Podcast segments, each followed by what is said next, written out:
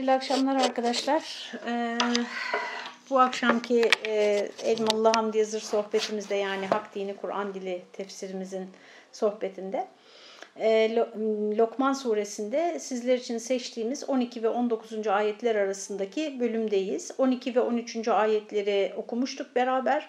Bu akşam 14. ayetten itibaren görmeye çalışacağız. İnşallah da bitirmek nasip olsun öyle diyelim yani bu bölümü ve okumayı bitirmek. Yoksa tefsir, Kur'an-ı Kerim bitmez bir deryadır. Her açışınızda önünüzde kat kat tabakalar halinde açılır.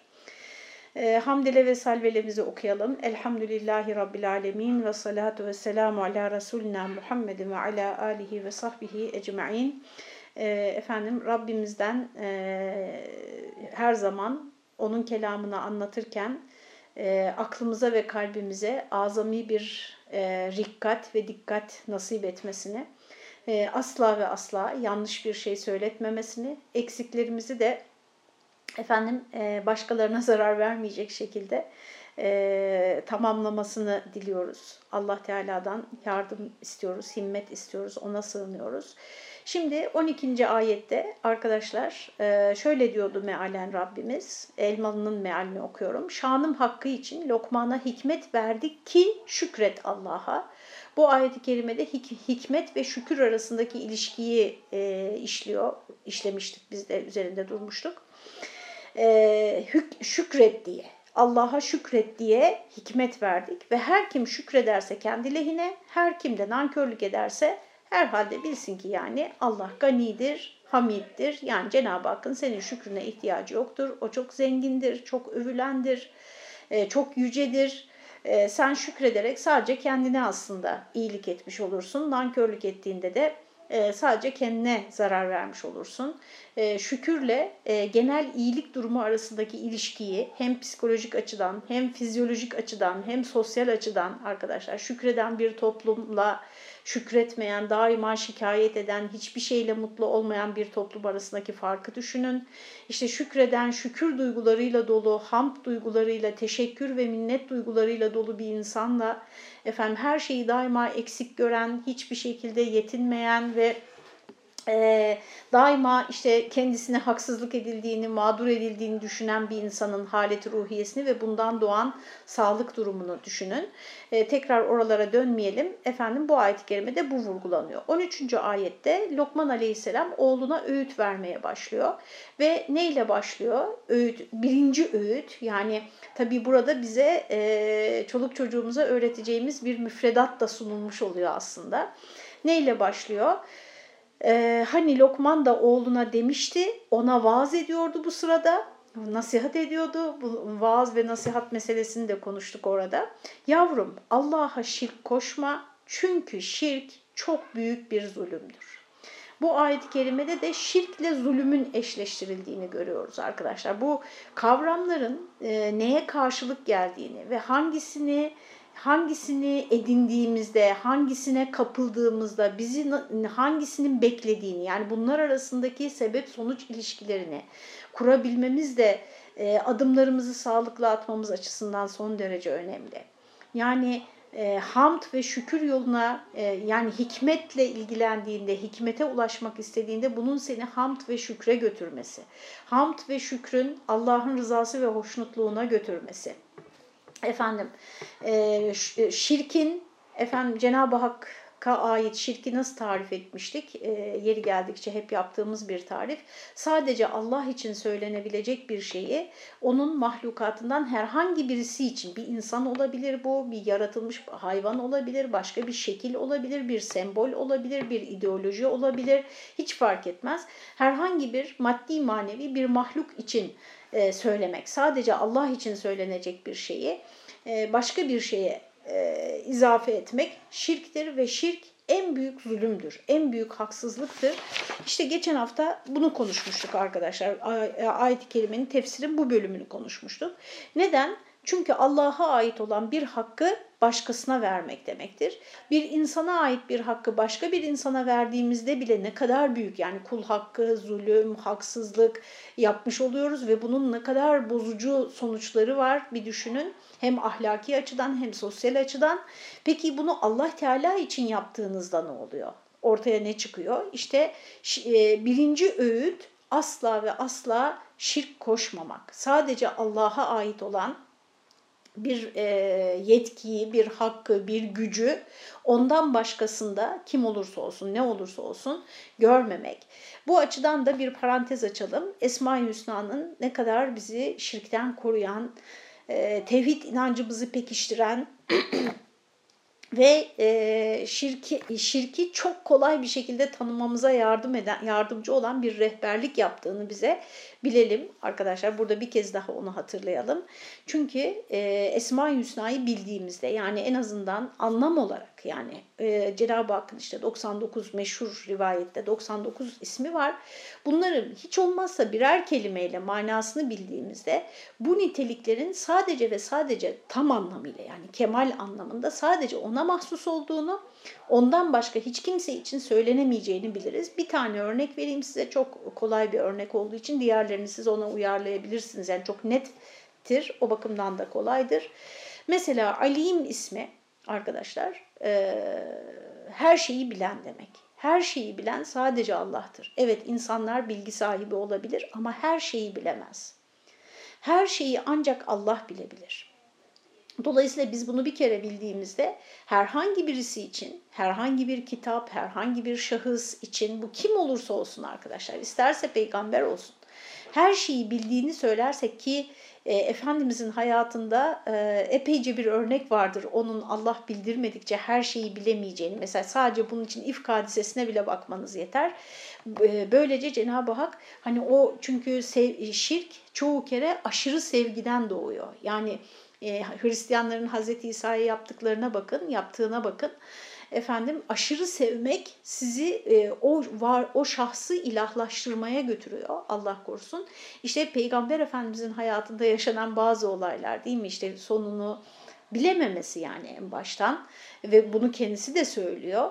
Ben ancak sizin gibi bir beşerim. Olur ya diyor mesela birinizin ağzı daha iyi laf yapar, beni ikna eder. Bilin ki her kim bu şekilde kardeşinden bir hak al, alırsa işte o hak boynuna asılmış olarak Allah'ın huzuruna gelecektir kıyamet gününde. E, gaybı bilmediğini e, defalarca Efendimiz sallallahu aleyhi ve sellem vurguluyor. İşte bunun gibi arkadaşlar işte her şeye gücü yetmek, efendim e, her kapıyı açmak gibi özellikle burada her kelimesinin altını çiziyoruz. Yani Lokman aleyhisselam evladına yaptığı öğütlere neyle başladı? Öncelikle aman aman şirkten uzak dur. Çünkü şirk öyle bir şey ki arkadaşlar daha doğrusu itikadi hatalarımız, inanca yönelik hatalarımız. Burada canınızı sıkmak istemiyorum, sizi üzmek istemiyorum ama inanç temizliği bir numaralı önceliğimiz olmalı arkadaşlar. Yani zihnimizin e, temiz olması. Allah Teala hakkında ve onun bize bildirdikleri hakkında e, zihnimizin temizliğini korumamız için bazen buranın buraya biraz dikkat edin. Bazen kendimizi feda etmemiz gerekebilir. Nasıl yani? Nasıl bir feda etme bu? Yani kendimizi savunmaktan vazgeçmemiz gerekebilir bazen. Yani diyelim ki işte ben bir şeyi yanlış yapıyorum e, ve e, yanlış yapmak istemiyorum kendime o yanlışı yakıştıramıyorum. Bunun hele hele bilinmesini, öğrenilmesini istemiyorum insanların muttali olmasını. Ve muttali de olmuşlar. O zaman ne yapıyorum? Eğer nefsimi önemsiyorsam arkadaşlar kendimi savunmaya geçiyorum. Bir açıklamalar üretmeye geçiyorum. Ne zaman ki arkadaşlar Allah'ın bir hükmü karşısında kendimizi savunmaya geçersek inancımıza zarar vermenin kapısına gelmiş oluyoruz zarar veriyoruz demiyorum illaki ama o kapıya gelmiş oluyoruz. Halbuki ne yapmamız gerekiyor? Yanlış yaptığımız zaman arkadaşlar o yanlışı kabul edip özür dilememiz gerekiyor. Tevbe budur. Tevbe Cenab-ı Hak'tan özür dilemektir. Bunun e, eğer bir kul hakkıyla ilgiliyse o insanla helalleşmemiz gerekiyor. Yanlış yaptığımızı kabul etmemiz gerekiyor yani ve bunu e, telafi edebileceğimiz başka bir yer yok. Yani bir kez geldim bu dünyaya diyorlar ya evet işte bir kez geldim bu dünyaya onun için yanlışlarla gitme yani buradan. O yanlışları savunmak e, hem inançlarına zarar veriyor ve artık oradan sonra geri dönmek çok daha zor. Çünkü düşünce yapın bozuluyor, bakış açın bozuluyor. Anlatabildim mi burayı acaba? Paradigman bozuluyor. Yani şöyle diyelim. İşte bu şunlar yanlıştır, bunlar doğrudur şunları yapmam gerekiyor, bunlardan uzak durmam gerekiyor. Bakın netken zihniniz, kendinizi savunmaya başladıkça o netlik karışmaya başlıyor. Artık şerler hayır, hayırlar şer gibi görünmeye başlıyor. Tek sebep budur demiyorum ama işte bunda propagandanın etkisi var. Çağınızın, yaşadığınız devrin yani her devirde geçerlidir bu. Sizce yani Firavun'un hükmettiği Mısır'da yaşamak bugün yaşamaktan daha mı kolaydı? E, hak yolda olmak isteyen birisi için hakka tabi olmak isteyen birisi için daha mı kolaydı? Her devrin insanı bu zorlukları yaşamıştır. Yani çağının değerleriyle çatışmak zorunda kalmıştır yeri geldiğinde. En azından kendi iç dünyasında ve akıntıya karşı yüzmek zorunda kalmıştır yeri geldiğinde. Dolayısıyla bütün bu zorluklara e, göğüs gerebilmek, illa yani başkalarıyla mücadele edeceksiniz anlamında söylemiyorum bunu. Kendi iç dünyanızda arkadaşlar yani doğruda durabilmek için bile durabilmek, sadece durabilmek. Bir şey yapmayı söylemiyorum bakın. Orada durabilmek için bile çok büyük bir gayret sarf etmemiz gerekebiliyor. İşte bu bakımdan aman diyor Lokman Aleyhisselam birinci yapın. Yani biz çocuğumuza nasihat verecek olsak mesela burada bize bir pedagojik sıra da hatırlatılmış oluyor. Yani biz çocuklarımıza nasihat vereceğimiz zaman onların inançlarıyla ilgili öğütler veriyor muyuz arkadaşlar? Genellikle davranışlardan başlıyoruz hop diye. Çünkü inanç yani tabii ki inanıyordur, tabii ki muvahhittir, tabii ki Müslümandır zannettiğimiz için bir bakıyoruz ki öyle değilmiş. Ee, çok büyük şoklar yaşıyoruz işte yaşadığımız günler biraz da bu şokları yaşadığımız dönem. Ee, dolayısıyla asıl başlanması gereken yerin e, doğru düşünmek, Allah hakkında doğru düşünmek, e, doğru inanmak olduğunu, oradan başlamamız gerektiğini öğreniyoruz. Bu yani Lokman Aleyhisselam'ın başladığı yerden. Sonra arkadaşlar işte 14. ayette bir cümleyi mutarize giriyor araya. Yani bir e, nasıl diyelim parantez içi bir cümle. Yani Lokman Aleyhisselam'ın sözüne ara veriliyor. Cenab-ı Hak oraya kendi e, tavsiyelerini bir parantez içi cümle olarak yerleştiriyor. Sonra devam edecek Lokman Aleyhisselam. E, ve vassaynel insane 14 ve 15. ayetler için diyor ki e, merhum Elmalı bu iki ayet Lokman'ın nasihatını hikaye esnasında yani aslında neyi anlatıyordu konu baştan itibaren Hazreti Lokman'ın oğluna yaptığı öğütleri aktarıyordu bize. Bu esnada ve şirkten nehyi tekit siyakında tam da şirkten evladını nehyetmişti Lokman Aleyhisselam. İşte bunu tekit e, için istidrat suretiyle yani söz arasına parantez açarak mutarıza halinde başlı başına bir kelami ilahidir. Yani şu anda tekrar Cenab-ı Hak konuşuyor. Lokman Aleyhisselam hikaye ediyordu. Tekrar araya girdi Rabbimiz ve kendisi şimdi bir vasiyette bulunacak bize. Vasiyet burada yani ölenin ölürken yaptığı vasiyet anlamında değil, tavsiye anlamında.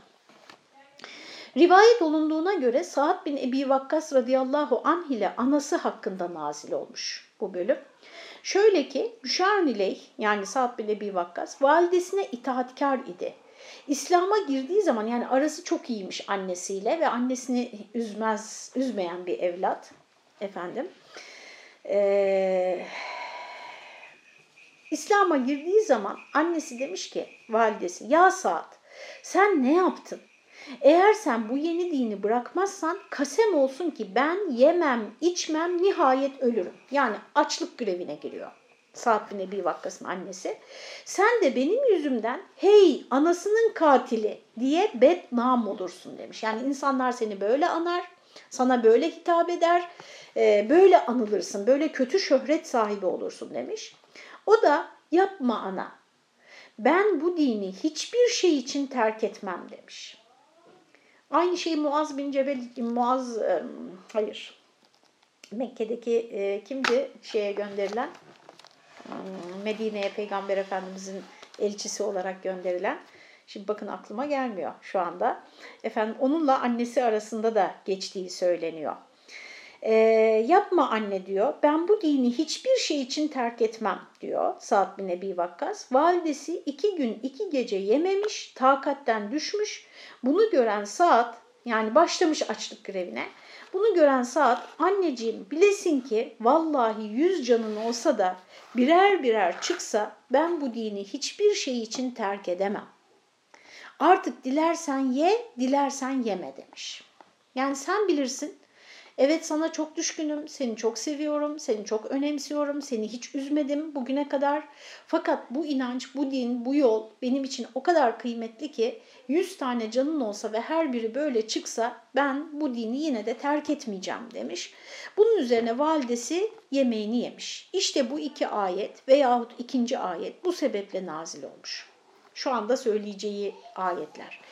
Ee, yani Cenab-ı Hak burada anne babamızla ilişkimiz ve onlarla çatıştığımız zaman alacağımız durumu anlatıyor. Çok çok önemli arkadaşlar çünkü e, ben bütün mesajlarınıza cevap veremesem de neredeyse çoğunu yani tamamına yakınını okuyorum. E, bazen o cevap bir, mesaj, bir mesajı aç, açtığı için cevap yazamıyorum. E, bazen arkadaşlar gözden kaçıyor tabii insanlık hali öyle de olabiliyor. Fakat gelen sorular içerisinde hakikaten yaşınız kaç olursa olsun, yaşımız kaç olursa olsun anne babayla ilişkilerde her yaşta zorlandığımızı görüyorum yani. Her yaşta insan anne babasıyla ilişkisinde e, sıkıntı yaşayabiliyor. Çok çeşitli nedenlerle. Herkesin hikayesi ayrı bu arada. Efendim Cenab-ı Hak işte bu ayeti kerimede bize bu ilişkiyi nasıl yönetmemiz gerektiğini, hangi kriterlerle yönetmemiz gerektiğini, temel ilkeleri söylüyor. Ee, tekrar alalım zaten iki kelime okuduk. Ve vasaynel insane biz insana efendim vasiyet ettik, tavsiye ettik bir validey anne babasına. Yani ne demek istiyor? Nesini tavsiye ettik? Yani aman anne babana dikkat et. Sakın onları ezip geçme, sakın haklarını yeme, sakın görevlerini onlara karşı ihmal etme diye. Kur'an-ı Kerim'de bu arkadaşlar e, pek çok yerde geçer. Cenab-ı Hak kendisine itaatle e, birlikte hemen arkasından ana babaya iyilik etmeyi, ihsanı emreder ve cümlenin gelişine baktığınız zaman Allah lafzından hemen sonra gelir anne babaya iyilik. Bu kadar mühim bir yerdedir yani. Ee, bize basit gelebilir. Yani dünyanın bu kadar derdi varken, dünyada bu kadar büyük mücadele edilmesi gereken kötülükler, mücadele edilmesi gereken, başarılması gereken hedefler varken işte yani Allah Teala hani e, ne kadar demode bir şey yani tövbe estağfurullah anlıyorsunuz değil mi beni? E yani Cenab-ı Hak hani bunu mu söylüyor? Bu kadar insanlığın bu kadar dertleri varken yani Allah'a itaatten hemen sonra bu mu geliyor? Anne babaya itaat mi geliyor? Arkadaşlar bu bizim geçemediğimiz bir deredir. Dereyi geçemeyen denize hiç dalamaz. Ee, dolayısıyla o dere o dereyi geçme sınavını iyi vermemiz gerekir. İnşallah anlatabiliyorum bunu. Ee, çünkü çatışmalarımız çoktur ve e, onlarla yani çatışma anne babalarla çatışmalarımız çoktur ve e, nasıl diyelim çok iç içe olduğumuz için çok yakın ve sürekli bir beraberlik, ömür boyu süren bir beraberlik olduğu için bu e, her seferinde yani mesela şehit olmak bir keredir. Yani gözünü karartı küçümsemiyorum şehadeti asla. Yani çok büyük bir mertebe. Ama hani bir vatan sevdası veya ne bileyim bir e, iman meselesi tabii ki Allah rızası için olacak bütün niyetimiz. Şehit olmanın şartı odur. Efendim coşar içimizde ve gözümüzü karartırız. Yani bir anda olur biter. Zaten acı da çekmeyecekler. Şehit olanlar anlamıyorlarmış bile öldüklerini. Bazı rivayetlerden anlıyoruz bunu. E, ama anne babayla ilişki arkadaşlar, insan ilişkileri, mesela namaz da böyledir bana sorarsanız. Ömür boyu, ömür boyu yani zekat bile yılda bir keredir. Hani şimdi bir gözünü karartsın tamam ya vereceğim dersin hemen hesaplarsın yani bir hani yarım saat bir saat falan sürer çıkarırsın hesaptan gider. Yarın belki pişman olur imanın derecesine göre ama yani o bir gözünü karartınca yapılabilecek bir şeydir. Oruç bile yani çok uzun aslında 30 gün ama hani sayılı gündür yani. Ama bir namaz böyle değil bir de işte ahlaki konular. Yani insan ilişkilerine, komşunla geçinmek, efendim evladına karşı e, sabırlı, şefkatli olabilmek, anne babana hürmetli, itaatli, iyiliksever olabilmek. E, bunlar ömür boyu süren imtihanlardır yani. Ömür boyu sürer. Ve Cenab e, orada bir de benim acizane kanaatim arkadaşlar insan ilişkilerinde siz başta anne baba olmak üzere siz ve biz yani ben kendimi de buna katıyorum kullar biz kullar bu ilişkileri yürütürken onu nihai planda Allah'ın rızasına bağlayamadığımız zaman o ilişkiyi yürütmekte çok zorlanırız. Çünkü o aranızdaki o ilişkiyi Allah'ın rızasına bağlayamadığınız zaman ne için yapıyorsunuz bu fedakarlığı? O kişinin hatırı için. Ne kadar ağır bir şey bakın. Bir insanın hatırı için ömür boyu, ömür boyu fedakarlık yapılabilir mi yani? Nelerden vazgeçiyorsunuz? Efendim neleri sineye çekiyorsunuz? E, sesinizi çıkarmıyorsunuz oluyor ya bazı yerlerde akrabalık hatırına, efendim kardeşlik hatırına, e, anne babanın hatırına, aile büyüğü, onun hürmetine, büyüklük hürmetine yani e, yaşlılık, büyüklük hürmetine. Şimdi bu bunları Allah'ın rızasına bağlayamay bağlamadığımız zaman hangi motivasyonla ömür boyu sürdüreceğiz? Her gün kendimizi eziğin teki olarak hissetmez miyiz yani? Dolayısıyla insan ilişkilerinde benim e, acizane tavsiyem e, her davranışı yani yap, her insanla ilişkimizin arkasında o insanla ilişkimizin bizi Allah nazarında, Allah katında nasıl bir yere taşıdığını görebilirsek o ilişkiyi sürdürmekte zorlanmayız. Gene zor gelir ama diğeri kadar değil. Çünkü bu sefer ben ezik olduğum için veya işte güçsüz olduğum için, zayıf olduğum için ya da işte ne bileyim e, böyle koşullandığım için, böyle eğitildiğim için falan değil. Ben aslında bunun tersini de yapabilirim. İlişkiyi de koparabilirim, kötü de davranabilirim, kavga da edebilirim, terk de edebilirim. Ama bunları Allah benden bunu istediği için onları yapmıyorum da bunu yapıyorum. Bu, bu bağı kurabilmek son derece önemli. Buna taalluk deniyor arkadaşlar. Yani yaptığınız her şeyin Allah ile alakasını kurmanız lazım. Kurmamız lazım. Ben kendim için de bunu çok diliyorum. Ee, bunu kuramadığımızda namazı da sürdüremeyiz. Yani düşünebiliyor musunuz? Cenab-ı Hak diyor ki e, sen diyor benim e, işte benden bir şeyler istiyorsun ve bunların olması için bana yakın olmak istiyorsun, benim hoşnutluğumu istiyorsun. Tamam diyor, namaz kılacaksın diyor. Yani namazın kendi başına tabii ki bir hikmeti var. Ama senin, yani şöyle diyelim işte bir işinizin olması için birisiyle görüşmeniz lazım e, ve ona anlatmanız lazım bu işi. O da diyor ki tamam gel diyor işte bu protokol var, kurallar var. Bu kurallara uy ve gel görüşelim diyor falan tarihte görüşelim. Ama kuralları var. O görüşmenin kuralları var. Arkadaşlar inşallah anlaşılmıştır. İş sonra ayetin devamında arkadaşlar Allah insana ana babasını em, e, vasiyet etti, tavsiye etti. Hamel e, orayı nasıl e, evet tavsiye ettik diye çevirmiş Elmalı Hamdi Yazır. Sonra Niçin? Yani o ana babanın değerini anlatıyor. Hamelethu ummuhu vehnen ala vehnin ve fisaluhu fi ameyn. İlginç arkadaşlar burada e, yukarıda bir validey dedi. Yani ikisi ana ve baba ikisini de söyledi. Ama yapılan fedakarlıkları yani ana babanın evladı için yaptığı fedakarlıkları sayarken yani ananın yaptığı fedakarlıklar sayılıyor. O yüzden de Efendimiz sallallahu aleyhi ve sellem üç kez hani anana, anana, anana sonra babana diyor biliyorsunuz. Ee, burada da yani babaya itaatin tabii ki tekrar ediyorum herkesin hikayesi kendine özeldir, ayrıdır.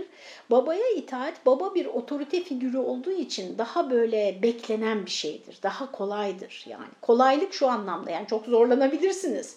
Fakat onu daha çok sineye çekersiniz. Yani baba bir otoriteyi temsil ettiği için ister istemez. Bu aileye göre, kişisel hikayeye göre değişse de dozu. E, fakat anneler böyle daha kolay e, nasıl diyelim yufka kalpli yani böyle daha kolay mutlu olur, daha kolay razı edilir. Anneler daha kolay affeder falan, daha büyük bir sevgi duyar çocuklarına. Hani genel olarak. E, dolayısıyla da dikkate alınmaları daha az olabilir. Bu benim acizane kanaatim. Yani anneleri daha az dikkate alabiliriz. İstisnalar geliyor gene aklıma ama. Yani kendisini çok baskın bir şekilde her an evlatlarına hissettiren, ben buradayım ve bana iyi davranacaksınız diye hissettiren anneler de var, öyle hikayeler de var. Ama onlar genelde istisnadır. Bu yüzden olsa gerek. Allahu alem. Yani Cenab-ı Hak anneyi burada bize daha daha demeyelim yani fedakarlık eden e, kişi taraf olarak anneyi anlattı. Annenin fedakarlıklarını söyledi. Hamelethu ummuhu vehnen ala vehnin diyor. Bu zorluğu anlatırken e, diyor ki e, evet vehn, vehin vehin üstüne yani zorluk üstüne zorlukla annesi onu taşıdı. E, hamileliğin aşamalarını düşünün. Her aşamada e, tabii ki yine burada kişisel hikayeler değişebilir. Ama her aşamada yani ilk e, ilk aylardaki zorluklar ayrı, e, büyüdükçe yaşadığınız zorluklar ayrı, vücudunuzdan kaybettiğiniz e, kendi kanınızdan, kendi canınızdan bir can büyütüyorsunuz kendi içinizde. Oradan e, eksilmeleriniz ayrı, o taşımanın zorluğu ayrı. Hatta bir rivayette şöyle söylenir. İşte adamın biri kaynağını bilmiyorum sormayın sakın. Adamın biri e, annesini sırtında hacca getirmiş ve işte bütün haccın erkanını onu sırtında taşıyarak yapmış. Ya yani yap, yaptırmış annesine ve sormuş ben şimdi e, bu annemin hakkını ödeyebildim mi diye. E, cevap olarak denilmiş ki sen ancak onun karnındayken attığın bir tekmenin hakkını ödeyebildin böyle davranmakla diye. Tabii burada e, şunu da söyleyeyim. Arkadaşlar bir türlü metni okuyamıyorum. E, konu çünkü hakikaten bütün o bana yazılanlar, anlatılanlar aklımda dönüyor bir taraftan ve çok boyutlu bir konu. E, anne ve babalar da bu e, bu tip rivayetleri çok e, istismar ederek evlatları üzerinde e, arkadaşlar yani despotça, bencilce e, bir şey kuruyorlar. Bir e, kurmak istiyorlar. Bir hakimiyet, bir iktidar, iktidar diyelim arkadaşlar. İktidar iyi bir kelime burada. Yani kudretlerini, sözlerini hayatları boyunca onlara geçirmek ve onları istedikleri gibi yönetmek istiyorlar. Bunun da adil olmadığını e, bilelim. E, çok gençtim yani ortaokula gittiğimi hatırlıyorum bu düşün. Bu böyle bir tartışma e, geçmişti okulda ve e, şunu dediğimi hatırlıyorum. E, anne babalar arkadaşlar e, evlatlarına bakarken yani nasıl diyelim evlatları için yaptıkları fedakarlığın karşılığını evlat sahibi olmakla zaten yaşamış oluyorlar. Bu benim kanaatim yani. Dolayısıyla bir de kalkıp onlara hayatları boyunca kendilerine bir kölelik yapmalarını beklemek e, çok hakkaniyetli olmuyor. E, tabii ki işin evlat boyutu var, ana baba boyutu var. Yani ee, şöyle düşünün, işte birazdan ayeti kerime onu söyleyecek inşallah ben e, sözü çok fazla uzatmayayım burada. Zorluk üstüne zorlukla e, efendim Cenab-ı Hak e, ifade ediyor. Vehnen ala vehnin. Zorluk üstüne zorlukla annesi onu taşıdı. E, bu terkibi vasfi ümden haldir. Yani vehnen ala vehnin e, tamlaması e, ümmün yani oradaki annenin hamelethu ummuhu daki annenin e, halini anlatıyor. Nasıl taşıdı annesi onu? Zorluk üstüne zorlukla taşıdı. Vehin harekette zayıflık demektir, zaaftır. Yani hareketleri e, zayıfladı, e, efendim güçten düştü vesaire. Yani anası günden güne ağırlaşmak suretiyle zaaf zaaf üstüne onu taşıdı. Ve fisaluhu ve hamluhu ve fisaluhu fi ameyn. Yani sütten kesimi de iki yılda. Fısal ayrılma demek. Yani artık anne anneye bağımlılıktan kurtulup bir başkası bakabilir. Ee, hani emmiyor artık. Ee, bu ayrılık da iki yılda bunun zahirinden emzik müddetinin azamisi iki sene olduğu anlaşılıyor ki İmameyn ve İmam Şafii bu görüşteler. Lakin İmam-ı Azam ihtiyat olmak üzere Sure-i Ahkaf'ta gelecek olan ve hamluhu ve fısaluhu telâthûne şehra ayetiyle 30 aya kail olmuştur. 30 ay kanaatindedir İmam-ı Azam. Ma mafi fet, fetva imameyn kavlinedir. İmameynin kavline göre çocuğun sütten kesilmesi e, hamilelikle beraber yani iki yıldır. Burada bu tartışmanın e, nasıl bir e, somut sonucu var arkadaşlar? Şöyle var biliyorsunuz biz bu e, sohbetlerimizde işin fetva kısmına asla girmiyoruz. Fetva ayrı bir ihtisas alanıdır arkadaşlar. Fetva ile ilgili bana da çok soru soruyorsunuz. Neredeyse yarısına cevap vermiyorum.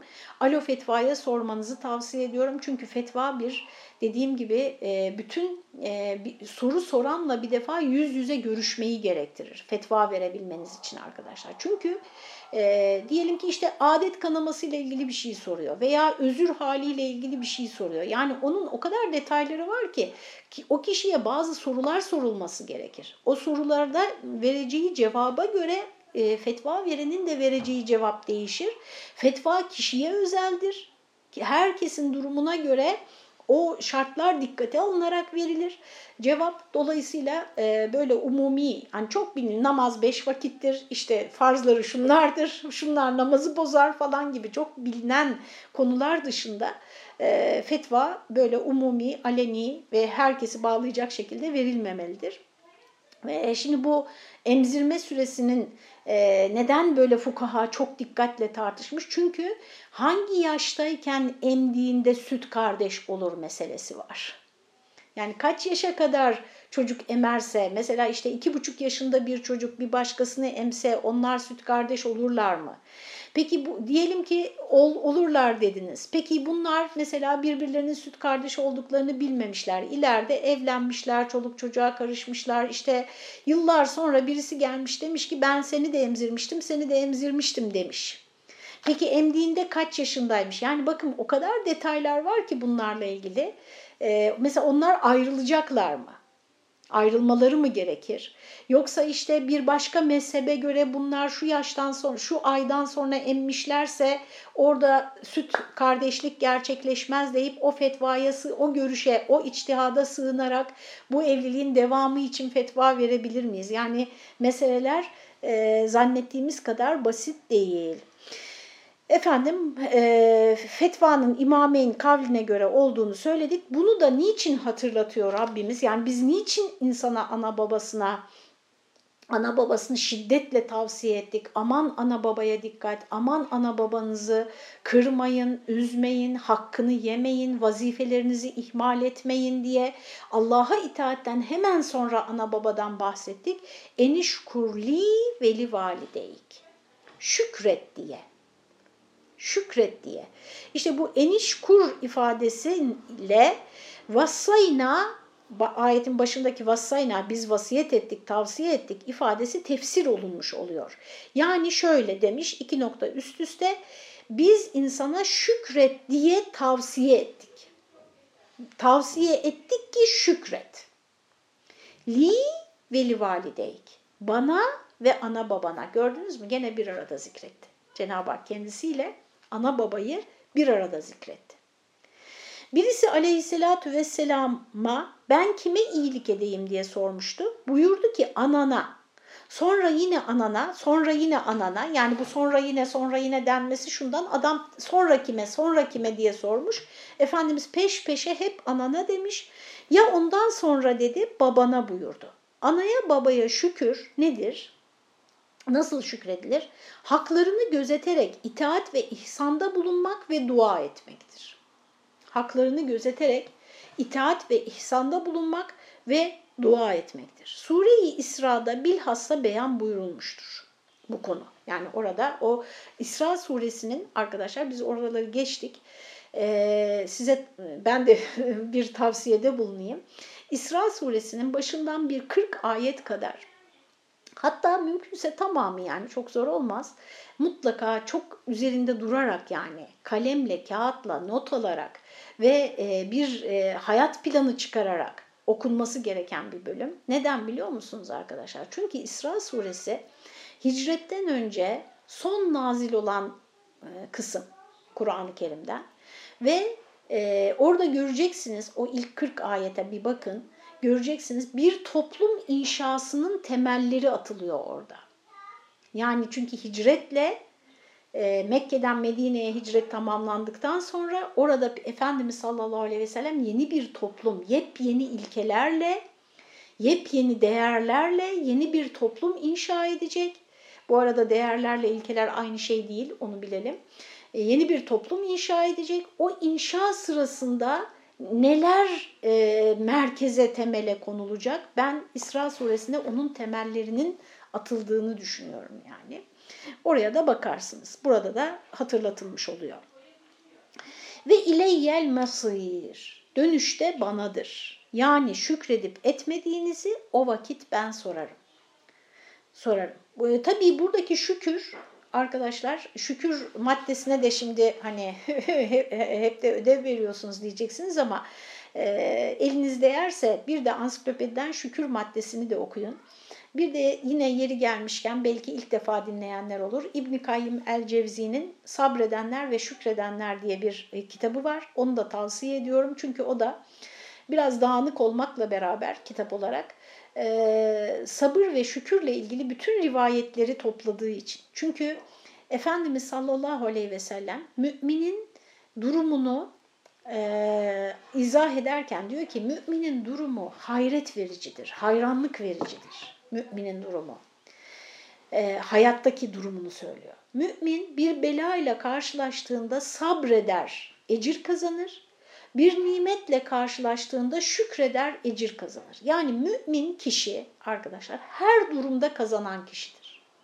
Niye? Çünkü her duruma uygun tepkiyi verir. Onun için şimdi bakın buradan ne anlıyoruz? Kazanmak başınıza gelenlerle ilgili değildir. Başınıza gelenlere sizin hangi tepkiyi verdiğinizle ilgilidir. Bir insan dünyaya servet sahibi olarak da gelir. Çok zengin, varlıklı bir ailenin çocuğu olarak dünyaya gelirsiniz. Ama ona gereken karşılığı veremediğiniz için o ne diyelim o artıya gereken mukabeleyi veremediğiniz için hayatınızı müflis biri olarak da tamamlayabilirsiniz. Dolayısıyla e, sabır ve şükür böyle iki yüzü olan bir e, şey madalyon gibi yani e, hangisi gerekiyorsa o tarafı çevirmemiz gerekiyor hayatta. E, sabrı da e, çok herkesin böyle bildiğini zannediyorum ama bazen söylediğimde bakıyorum ki yani hakikaten ilk defa duyan epey bir insan çıkıyor. O yüzden onu da tekrarlayayım. tekrarlayayım. Sabır nedir arkadaşlar? Sabır e, do, herhangi bir konuda doğru tepkiyi verirken göreceğimiz kötü muameleye karşı dirençli olmaktır. Yoksa sabır pasif bir tutum değildir. Yani her zaman doğru tepkiyi verirken mesela işte emri bil maruf nehyanil münker yapanların sabretmesi gerekir. Sabırlı insanlar olmaları gerekir. Niye? Çünkü birine emri bil maruf nehyanil münker yaptığınızda nahoş tepkiler alabilirsiniz ki alıyoruz. Hele bugün nerede değil mi yani hiçbir değeri yok neredeyse emri bil maruf nehyanil münkerin. Tam tersine bir adeta yani taciz gibi kabul ediliyor. Ve e, nahoş tepkiler alıyorsun. İşte orada dirençli olabilmek. Tabii ki nezaketle arkadaşlar, şefkatle. Yani şefkat duymadığınız kişiye yaptığınız emri bil maruf nehyanil münker hakikaten bir kusur bulma gibi e, karşılanıyor. Onu örnek olarak verdik. Geçelim. Şükür nedir peki? Şükür de arkadaşlar verilen nimetin farkında olmak ve onu doğru bir şekilde kullanmaktır. Yani her nimetin şükrü kendi cinsindendir demiş şükrü tarif edenler. Ee, mesela işte eviniz varsa, güzel bir eviniz varsa misafir o evin şükrüdür. İlminiz varsa öğrenci yetiştirmek, metin yazmak, e, arkanızda yazılı veya işte yetiştirilmiş talebeler bırakmak, yazılı metinler bırakmak o ilmin şükrüdür. Bedeniniz sağlıklıysa, haya kalkıyorsunuz, sağlıklı her gün uyanıyorsunuz, eliniz kolunuz hareket ediyor, bütün azalarınız çalışıyor. İbadet etmek ve e, Allah'a ibadet insanlara hizmet. Bakın Allah'a ibadet insanlara hizmet o sağlığın şükrüdür. O bedenin şükrüdür. Zekat servetin şükrüdür. Efendim her türlü yani bütün nimetlerin kendi cinsindendir şükrü. Efendim e, ve Cenab-ı Hak e, ve ileyyel masir e, dönüş banadır diye bitiriyor ayet-i kerimeyi. Yani şükredip etmediğinizi o vakit ben sorarım. Dönüp geleceksiniz. Ben size bana ve ana babanıza şükürle karşılık verdiniz mi? Peki ana babaya nasıl şükredilecek? Nasıl şükredilecek onu da söyledi. Efendim ne dedi? Haklarını gözeterek itaat ve ihsanda bulunmak ve dua etmektir. Bu cümle yani ve ileyyen masir cümlesi Allah'a şükrün ehem ve akdem olduğunu anlatmak suretiyle ikinci ayetin hükmüne bir tavtiyedir. Şimdi bakın arkasından bu anne baba bize yanlış şeyler emrederlerse de mi itaat edeceğiz diye bir e, konu gelecek. Bir sonraki ayette 15. ayette oraya bir hazırlık olmak üzere eniş kurli veli valideyk diye Cenab-ı Hak şükredilecek makamları sayarken kendisini başa koydu. Bana ve ana babana diye. Burada onu söylüyor. Yani bu cümle, cümlenin bu yapısı Allah'a şükrün ehem ve akdem, en mühim ve en öncelikli görevimiz Allah'a şükretmektir. Bunu anlatmak suretiyle e, efendim li bana başa gelerek ikinci ayetin bundan sonra gelecek ayetin hükmüne bir adım atılmış oluyor. Bir giriş yapılmış oluyor. Nedir o ayet? Ve in cahedake ala en tüşrike bi. Şimdi en başta ne demiştik? Lokman Aleyhisselam'ın birinci tavsiyesi neydi? Sakın şirk koşma Allah'a evladım. Sakın şirk koşma. Çünkü şirk çok büyük bir zulümdür. Çok büyük bir hakkı çiğnemiş oluyorsun. Ee, arkasından Cenab-ı Hak araya girdi. Evet biz anne babasına, insana iyiliği emrettik. İşte annesi onu şöyle taşıdı, böyle dünyaya getirdi. Onun sütten kesilmesi iki yıl sürdü. Yani e, ve insana bunu niçin tavsiye ettik anne babasını şükretsin diye. Fakat eğer onlar bana ortak koşman için seninle mücadele ederlerse, işte Sa'd bin Ebi Vakkas örneği, e, Allah'a ortak koşman için seninle mücadele ederlerse, bununla beraber yani ana babaya dahi şükrü insana tavsiye etmiş olmamızla beraber onlar seni bana şirk koşasın diye zorlarlarsa ma leyse leke bihi ilm öyle bir şeyi ki onun ilahlığı hakkında senin hiçbir fikrin yok. Sence hakkında hiçbir ilim olmayan yani hiçbir ilimde yeri olmayıp muhal olan şirki isnat ettirmek üzere onu sıkıştırırlarsa, yani hiçbir şekilde şirke bir yol olmadığını söyleyen bir ifade. Yani muhal bir şey, akıl dışı bir şey. Bir şeyi Allah'a ortak koşman için seni zorlarlarsa fela tuti'huma. O hususta ikisine de itaat etme. İtaat etme. Ve sahibhuma fid dünya ma'rufa. Şimdi bakın itaat etme deyince arkadaşlar e, vakit daralıyor hiç olmazsa bu ayet-i kerimeyi bitirebilelim. E, itaat etme deyince insanlar darıl falan anlıyorlar. Tamam mı? Biz yani mesela diyoruz ki işte ya işte akrabalık ilişkisi çok önemli ama tabii ki akrabanın hatırı için Allah'ın çizdiği sınırları aşamazsın. Ha öyle mi? O zaman bu akrabayla görüşmeyeceğim diyor. Yani biz şöyle zannediyoruz. Ya çok sıkı fıkı her gün beraber yediğimiz içtiğimiz beraber olacak ya da dar, dargın olacağız. Halbuki arkadaşlar bu ikisinin arasında yani veli olacak derecede hamim, sadikun hamim, çok sıcak dost olacak dereceyle en alt medeni ilişkiler arasında yüzlerce basamak var. O basamaklardan birini ayarlamamız gerekiyor. İşte Allah Teala onlara itaat etme dedi ama buradan sakın ha onları ihmal edebileceğiniz sonucunu çıkarmayın diyor. Ve sahip huma onlarla iyi geçinin iyi geçinin hangi konuda fid dünya, dünya ile ilgili işlerde. Yani bakımları, ihtiyaçları, sağlıkları, hizmetleri bunları ihmal edemezsin.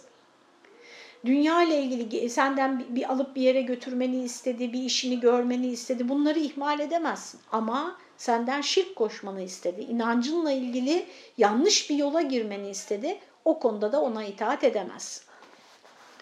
Onlara maruf surette musahip ol. Yani bu arkadaşlar aslında komşuluk ilişkisinde de böyledir, akrabalık ilişkisinde de böyledir, iş ortaklığı, bütün medeni ilişkilerde böyledir.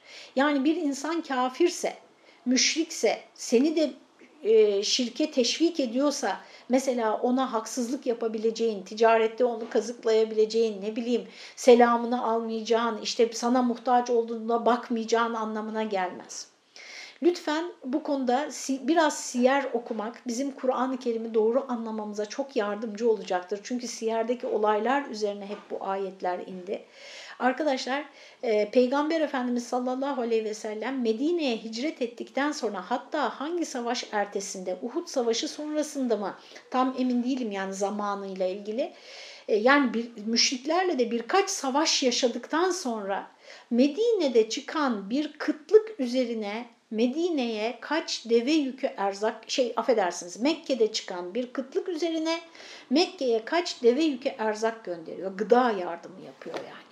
Halbuki bu insanlar müşrik bir, ikincisi müşrik olmakla kalmamış. Efendimiz'e ve Müslümanlara o kadar baskı yapmışlar ki yurtlarından çıkmak zorunda kalmışlar. İki, yurtlarından çıkanların geride bıraktıkları bütün mallarına el koymuşlar. Üç, ve dört, onları Medine'de de yan, e, kendi hallerine bırakmayıp orada da yok etmek üzere savaş açmışlar. Yani bu derecede düşmanlık yapmışlar. Bu insanlar bir kıtlık yaşarken Efendimiz sallallahu aleyhi ve sellem oraya erzak yardımı yapıyor. Onun için arkadaşlar Dünyalık işlerde yani onların bize ihtiyacı olan durumlarda bizim onlara bir yardımımız dokunabilecek düğünü var, cenazesi var, efendim hastalanmış, hastaneye düşmüş, borçlanmış, ne bileyim başı sıkışmış. Bizim de elimizde bir imkan varsa hele anne, anne babamızsa zaten de hani diğerlerine dahi e, insanlık ilişkimizin, medeni ilişkimizin devam edeceğini burada asla ve asla unutmayalım. Yani masiyette iştirak etmeksizin şer'in, şeriatın razı olacağı ve kerem-i mürüvvetin iktiza edeceği, kerem-i mürüvvet seviyeli insan ilişkileri demek arkadaşlar. Kerim insanın ahlaka dayalı insan ilişkilerinde bunun gereği olan veç ile sohbetlerinde bulun. Mesela yemek, içmek, giymek gibi ihtiyaçlarını tesviye etmek, bu ihtiyaçları gidermek, cefa etmemek, ağır söylememek, hastalıklarına bakmak, vefatlarında defnetmek gibi dünyevi muavenetlere, dünyevi yardımlarını yap. Din işine gelince, inanç konusuna gelince ve tebi' sebile men enabe iley. Bana yönelmiş olanların yoluna uy din konusunda bana yönelmiş olanların yoluna uy. Bu ifade de benim çok e, dikkatimi çekti arkadaşlar. Şöyle demiyor, bana yönel. Öyle de dediği yerler var ama burada öyle demiyor. Bana yönel demiyor. Bana yönelenlere tabi ol diyor. Yani aslında insan ilişkilerinde biz kabul etmesek de çoğu insan kabul etmiyor. Zannediyor ki kendisi dünyada çok özgür, çok özgün ve ilk e, her yola ilk önce o girmiş. O kadar böyle özgür bir insan olarak görüyor herkes kendini.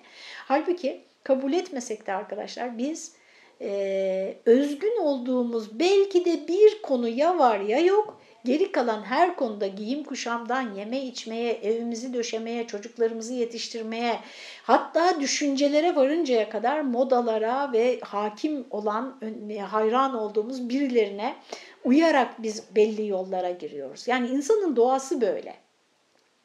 Ee, burada detaylarına girmeyeyim. İşte Cenab-ı Hak bize diyor ki hatırlatıyor o fıtri tarafımızı, birilerine tabi oluşumuzu ve diyor ki sen birilerine tabi olacaksın. Öyledir yani insanların çoğunluğu böyledir. Tabi olacağın zaman bana yönelmiş olanların yoluna tabi ol. Yani Allah yolunda olanları bul, onlara tabi ol diyor bana inabe etmiş olan, bana yönelmiş olan halis, muhlis, muvahhidinin yolunu tut. Thümme ileyye merci'ukum sonra hepinizin dönüşü banadır. Fe unebbiukum bima kuntum ta'melun o vakit ben size neler yaptığınızı birer birer haber vereceğim diyor.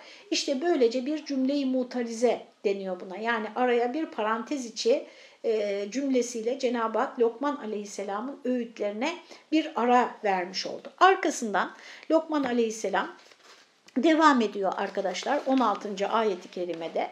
Onu okuyalım metnini. Ya buneyye inneha inteku mitkale habbetin min hardelin eğer ey oğulcuğum diyor yine Lokman Aleyhisselam ee, eğer o senin yaptığın şey bir hardal tanesi, bir hardal tohumunun ağırlığı miktarınca, miskal, ağırlığı miktarınca yani bir minik mini mini mini bir tohumun ağırlığı kadar olsa, fetekun fi sahratin bir kayanın içinde olsa, evfis semavat yahut göklerde, evfil art yahut yerin dibinde olsa, ye'ti bihallah, unutma ki Allah Teala onu oradan e, çıkarıp getirecektir. Yani ahirette Allah onu karşına koyacaktır. Zerre miktar bir zerre kadar bir şey yapmış olsan. Neden? Çünkü innallâhe latif, çünkü Allah latiftir. Lütfu letaifi çok, kudreti en ince, en gizli şeylere yetişir. Habir. Bakın burada habir isminin gelmesi de latif ismi gibi çok anlamlı. Çünkü habir e, haberdar olmak demek. Allah her şeyden haberdardır. Tabi her şeyi bilir diye çeviriyoruz. Orada Elmalı da öyle yapmış. İlmiyle hepsini bilir demiş. Ama bu bilme nasıl bir bilme biliyor musunuz arkadaşlar? Yani e, zihin yürüterek ve ilim öğrenerek elde edilen bir bilgi değil. Bu bilgi sizin kafa yormanızla asla ulaşamayacağınız ancak birinin size haber vermesiyle bilebileceğiniz bir şey.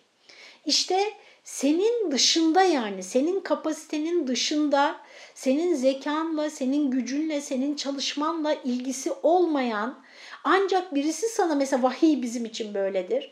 Ancak birisi sana bildirdiği zaman bilebileceğin her şeyi de Allah bilir. Allah Teala sadece alim değil, habirdir. Yani böyle gizli, saklı, dağların dibinde, efendim denizlerin dibinde bile olsa bir şeyi çıkarıp oradan çıkarıp senin önüne getirir. Yani aman aman diyor sakın Cenab-ı Hakk'a karşı bir hatan olmasın, sakın ona şirk koşma, sakın bir yanlış yapayım deme. Çünkü Allah Teala zerre miktarı da olsa her yaptığını çıkarıp karşına koyacak kıyamet gününde. Ya bu neyye? 17. ayet-i kerimede şimdi öğütlerine devam ediyor Lokman aleyhisselam. Cenab-ı Hak'la ilgili hatırlatmalarından sonra bakın nereye geçti. Ekimus salah. Namazı kıl. Bu namazı kıl da değil aslında. Namazı ikame et demek. Yani namazı hayatının merkezine yerleştir diyor. Namazı hayatının eksenine ikame etmek arkadaşlar adı üzerinde. Bakın biz ne deriz? Nerede ikamet ediyorsunuz? Yani ben her yerde bulunabilirim ama nerede ikamet ediyorum? Yani nerede yerleşikim? İşte namazın ikame edilmesi de senin hayatına yerleştirilmesi demek. Hayatında en yerleşik konu olarak onun görülmesi, diğer her şeyin onun etrafına örülmesi demek. Namazı devamlı kıl, kendini erdirmek için. Ve mur bil urfi venhe anil münker. Kendini erdirmek için emri bil maruf ve nehyi anil münker yap. Ha, affedersiniz düzeltiyorum bakın. Yavrum namazı devamlı kıl kendini erdirmek için virgül emri bil maruf nehy anil münker yap diğerlerini kemale erdirmek cemiyeti istikamete götürmek için. Yani kendin için aman namaza dikkat et. İçinde bulunduğun en yakın çevrenden en uzağa kadar içinde bulunduğun toplum içinde aman emri bil maruf nehy anil münkere dikkat et. Emri bil maruf nehyanil münker Kur'an-ı Kerim'de çok geçer. Arkadaşlar biz şu dar vakitte onu e, detaylarını ele alacak değiliz. Zaten burada da bu kadarıyla geçmiş Elmalı Hamdi yazır. Sadece şu kadarını söyleyeyim. Bir defa arkadaşlar iyiliği emretmek, kötülüğü nehyetmek için önce iyilik ve kötülüğü tanıyor olmamız gerekiyor. Bir farkındalığımızın olması gerekiyor. İkincisi e, yaşadığımız toplulukta e, iyiliğin yayılması ve kötülüğün engellenmesi için bir çaba içerisinde olmamız gerekiyor. Bana sorarsanız arkadaşlar kötü toplum veya işte iyi toplum Mesela iyi toplum içinde hiçbir kötünün olmadığı toplum değildir. Kötülüğün kötülük olarak tanındığı toplumdur. Yani diyelim bir toplumun yüzde kırkı yanlış yaşıyor olsun. O yan, onun yanlış olduğunu kabul ettiği sürece ve iyilikle kötülük hakkında zihni net olduğu sürece yanlış yapıyor bile olsa arkadaşlar eğer iyilik hakimse, iyilik en üst değerse o toplum şansını henüz kaybetmemiş bir toplumdur. Toplumun helaki mesela Lut kavminden önce eşcinsellik yok muydu dünyada? Toplumun helaki arkadaşlar kötülüğün norm haline gelmesi, kötülüğe hiç kimsenin artık kötülük olarak bakmaması veya hakim zihniyetin kötülüğü kötülük olarak görmemesi demek. Bu kadarını söyleyeyim burada. İşte emri bil maruf nehy anil münker bu bilincin devamını sağladığı için de son derece önemlidir. Tabii ki zorbalıkla olmaz. Tabii ki efendim ancak bilenler bunu yapmalıdır. Başka ayetlere de baktığınız zaman göreceksiniz. İlim sahipleri yapmalıdır. Çok iyi bildiğiniz konuları sadece yapmalısınız. Tabii ki şefkatle yapılmalıdır. Karşımızdaki insanın iyiliği düşünülerek yapılmalıdır. Ama ben acizane kanaatimi de paylaşayım burada arkadaşlar ne olursa olsun yani diyelim ki bu şartlar yok. Gene de iyiliğin iyilik olarak konuşulması, kötülüğün de kötülük olarak konuşulması ve e, yasaklanma yani yasaklanmak burada yapmayın kardeşim demektir yani. Yapmayın kardeşim ya. Yapmayın yanlış yapıyorsunuz demektir. Efendim bunun böyle konuşulması bile o toplum için çok büyük bir şanstır. Yani emri bil maruf nehyanil münker devam ettikçe bir toplum helak olmaz arkadaşlar helak edilen toplumlara bakın artık iyilik ve kötülük hiç konuşulmaz hale geliyor. Kötülük normal hale geliyor. Ve hemen arkasından ve mur e, e, bil ma'rufi venha anil münker.